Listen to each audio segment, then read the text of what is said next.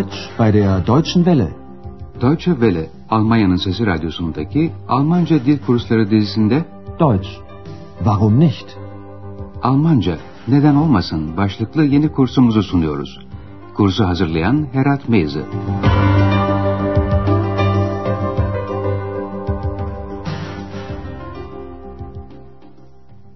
İyi günler sevgili dinleyenler. Radyo ile Almanca dil kursumuzun dördüncü bölümünün 25. dersine hoş geldiniz. Dersimize yine kısa bir hatırlatmayla başlayalım. Andreas, Wartburg'da turist rehberinin söylediklerini dinlerken şu cümleleri duymuştu. Bunlardan ikincisi tipik bir relatif zat idi. Yani ilgi belirten yan cümle. Das hier ist also das Zimmer von Luther. Und hier ist der Tisch, an dem Luther arbeitete. Sie wissen ja, hier übersetzte er das Neue Testament. Sevgili dinleyenler, son iki dersimizde konularımız biraz değişik. Doktor Thurman'ın alternatif tıp ile doğal sağaltım yolları ile ilgilendiğini biliyorsunuz. Doktor bu arada bir konuyu ciddi ciddi düşünmeye başladı. Acaba bu yolla görünmez varlığımız eksi görünür yapabilir miyim? İşte bu konuyu incelerken çok özel bir bitkiyle karşılaşıyor. Mavi çiçek. Bugünkü dersimizin adı da böyle. Mavi çiçek. Die blaue Blume.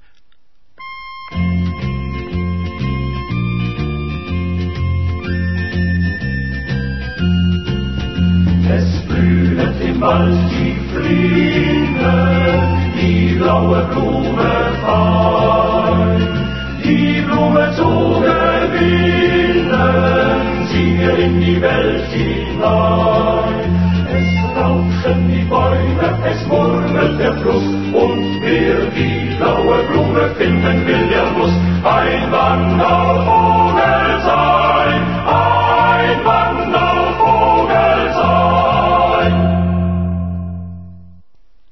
Romantik dönemin önemli romanlarından birinde Mavi Çiçek önemli bir rol oynar. İnsanın kendini arayışının bir sembolüdür. Romanın baş kişisi, X'in kendi benliğini arayışı gibi benliğini aramaktadır. Hauptperson sözcüğü baş kişi anlamına geliyor. Gelin şimdi Andreas, X ve Dr. Thürmann ile birlikte bu arayışa ortak olalım. Liebe Hörerinnen und Hörer, haben Sie Lust, mit uns heute eine blaue Blume zu suchen? Gemeint ist eine bestimmte blaue Blume, also die blaue Blume. Vielleicht haben Sie schon von ihr gehört. Sie spielt eine wichtige Rolle in einem Roman aus der Romantik. Heinrich von Ofterdingen heißt dieser Roman von Novalis, einem romantischen Dichter. Novalis lässt seine Hauptperson träumen. Heinrich träumt von der blauen Blume. Und seit diesem Traum beginnt er, die blaue Blume zu suchen. Andreas önce sizlere soruyor. Bugün bizlerle birlikte bir mavi çiçek aramak ister misiniz? Haben Sie Lust, mit uns heute eine blaue Blume zu suchen? Ama Andreas herhangi bir mavi çiçekten söz etmiyor. Belli bir mavi çiçekten söz ediyor. Gemeint ist eine bestimmte blaue Blume, also die blaue Blume. Bu mavi çiçek romantik dönemde yazılmış olan bir romanda önemli bir rol oynuyor. Roman, roman. Romantik, edebiyatta romantik dönem. Sie spielt eine wichtige Rolle in einem Roman aus der Romantik. Alman romantik döneminin önde gelen yazarlarından Novalis'in yazmış olduğu bu roman, Heinrich von Ofterdingen adını taşıyor. Heinrich von Ofterdingen heißt dieser Roman von Novalis, einem romantischen Dichter. Roman, yapıtın baş kişisi Heinrich'in gördüğü bir düşle başlıyor. Novalis lässt seine Hauptperson träumen. Heinrich düşünde mavi çiçeği görüyor. Bu onu çok huzursuz ediyor ve mavi çiçeği aramaya karar veriyor. Andreas şöyle diyor. O rüyadan sonra mavi çiçeği aramaya başlıyor. Heinrich träumt von der blauen Blume, und seit diesem Traum beginnt er, die blaue Blume zu suchen. Doktor Thürmann, X'in de Heinrich gibi kendi kendini aramakta olduğunu düşünüyor. Bu yüzden yazar Novalis'in mavi çiçeğin bir örneğini görüp görmediğini merak ediyor. Sonunda Doktor Thürmann bu çiçeği buluyor ve çiçeğin sağlık açısından kullanılıp kullanılamayacağını araştırıyor. Es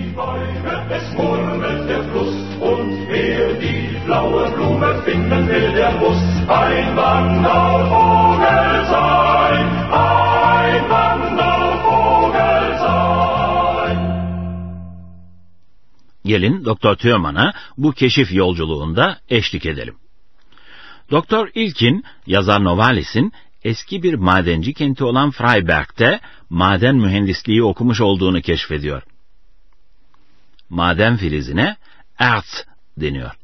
Maden filizinin bulunduğu yere de Eiserne Hut deniliyor. Yani demir şapka.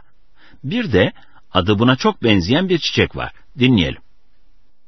Seit dem Traum versuchte Heinrich, die blaue Blume zu finden. Er suchte sie überall. Er machte weite Reisen. Er stieg sogar tief in einen Berg hinab. Und genau das hat mich interessiert, der Berg. Wieso? Novalis studierte doch Bergbau, also kannte er die Berge und ihr Inneres. Nun bitte ich Sie genau zuzuhören. Eine bestimmte Stelle im Berg, wo es Erz gibt, nennt man eiserner Hut. Fällt Ihnen dazu etwas ein? Hm. Hm. Nein. Denken Sie an den Namen von einer Blume. Eisenhut. Genau. Eisenhut. Eine blaue Blume, eine Blume mit blauen Blüten. Woher kennst du sie, Ex? Novalis'in roman kahramanı Heinrich o düşü gördükten sonra mavi çiçeği bulmaya çalışıyordu. Seit dem Traum versuchte Heinrich, die blaue Blume zu finden.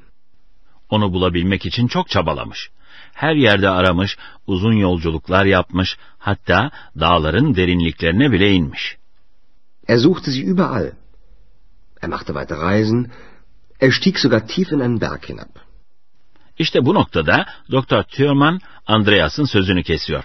Çünkü bu dağın derinliğine inmek konusu ilgisini çekiyor. Und genau das hat mich interessiert. Der Berg. Doktor Thürmann bunun nedenini açıklıyor. Yazar Novalis 1797'de Freiberg'de Almanya'nın ilk madencilik akademilerinden birinde okumuş. Novalis studierte doch Bergbau. Tabii bir madenci olarak dağları ve dağların içini tanırdı. Inneres, bir şeyin içi Also kannte er die Berge und ihr Inneres. ve bir madenci olarak Novalis şunu mutlaka biliyordu. Dağın içinde maden filizi bulunan yere demir şapka denilir. Eine bestimmte Stelle im Berg, wo es Erz gibt, nennt man eiserner Hut. Yazar Novalis için dağın içi bir bakıma dünyanın ve insanın iç dünyasının da sembolü.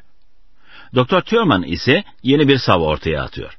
Dağın içinde maden filizi olan yere verilen adla mavi çiçek arasında bir bağlantı olduğunu düşünüyor. Fällt Ihnen dazu etwas ein? Hm. Nein. Denken Sie an den Namen von einer Blume. Nedense X bu çiçeğin adını biliyor. Demir şapka. Eisenhut. Bu doğru. Çünkü demir şapka adı verilen çiçek mavi çiçekler açar. Blüte, bitkinin çiçek kısmı. Genau. Eisenhut. Eine blaue Blume, eine Blume mit blauen Blüten. Ama Doktor Thürmann'ın bu çiçeği nereden bildiği sorusunu X yanıtsız bırakıyor. Woher kennst du sie, Ex? Gerçekten de mavi çiçekler açan demir şapka Novalis'e romanındaki mavi çiçek için ilham vermiş olabilir. Ama şimdi bizler için dil bilgisine dönmenin zamanı. Bugün sizlere tu ile kurulan mastarlı yan cümleleri anlatacağız.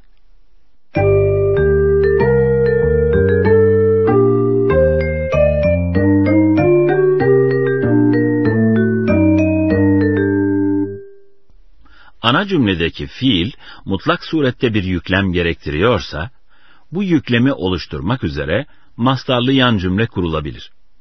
Yani bu cümleler ana cümledeki fiile bağlıdırlar. Versuchen, denemek fiiliyle bir örnek dinleyelim. Heinrich versuchte, die blaue Blume zu finden. Yan cümledeki fiil cümlenin en sonunda mastar halinde bulunuyor ve fiilden önce de zu yer alıyor. Şimdi de beginnen, başlamak fiiliyle bir örnek. Heinrich beginnt, die blaue Blume zu suchen. Bu tür bir cümlenin kurulabilmesi için yan cümlenin öznesi ile ana cümledeki yüklemlerden birinin aynı olması gerekir. Son örneği bir kez daha dinleyelim. Ana cümlede ve yan cümlede özne aynı insan. Heinrich. Heinrich sucht die blaue Blume. Heinrich beginnt, die blaue Blume zu suchen.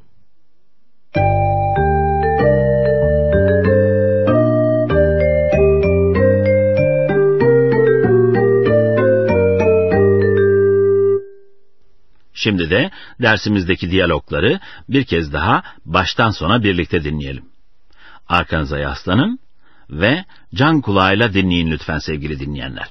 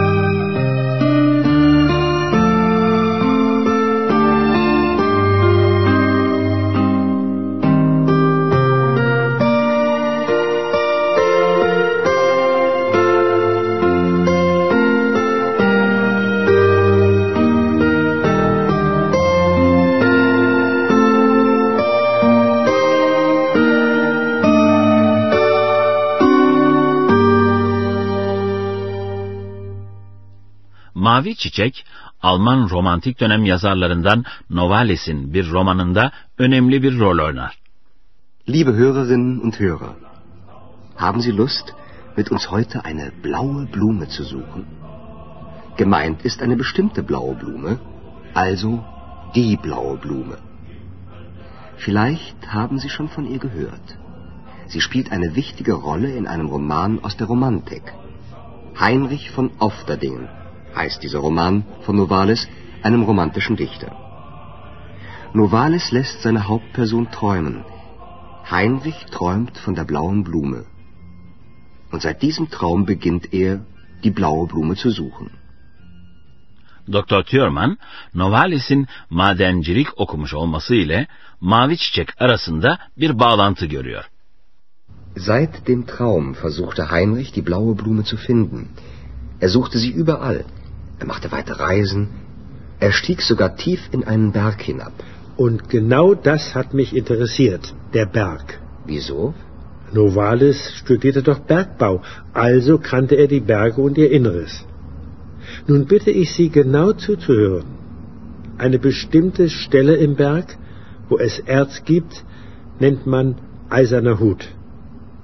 Fällt Ihnen dazu etwas ein? Hm. Hm. Nein. Denken Sie an den Namen von einer Blume. Eisenhut. Genau, Eisenhut. Eine blaue Blume, eine Blume mit blauen Blüten. Woher kennst du sie, Ex?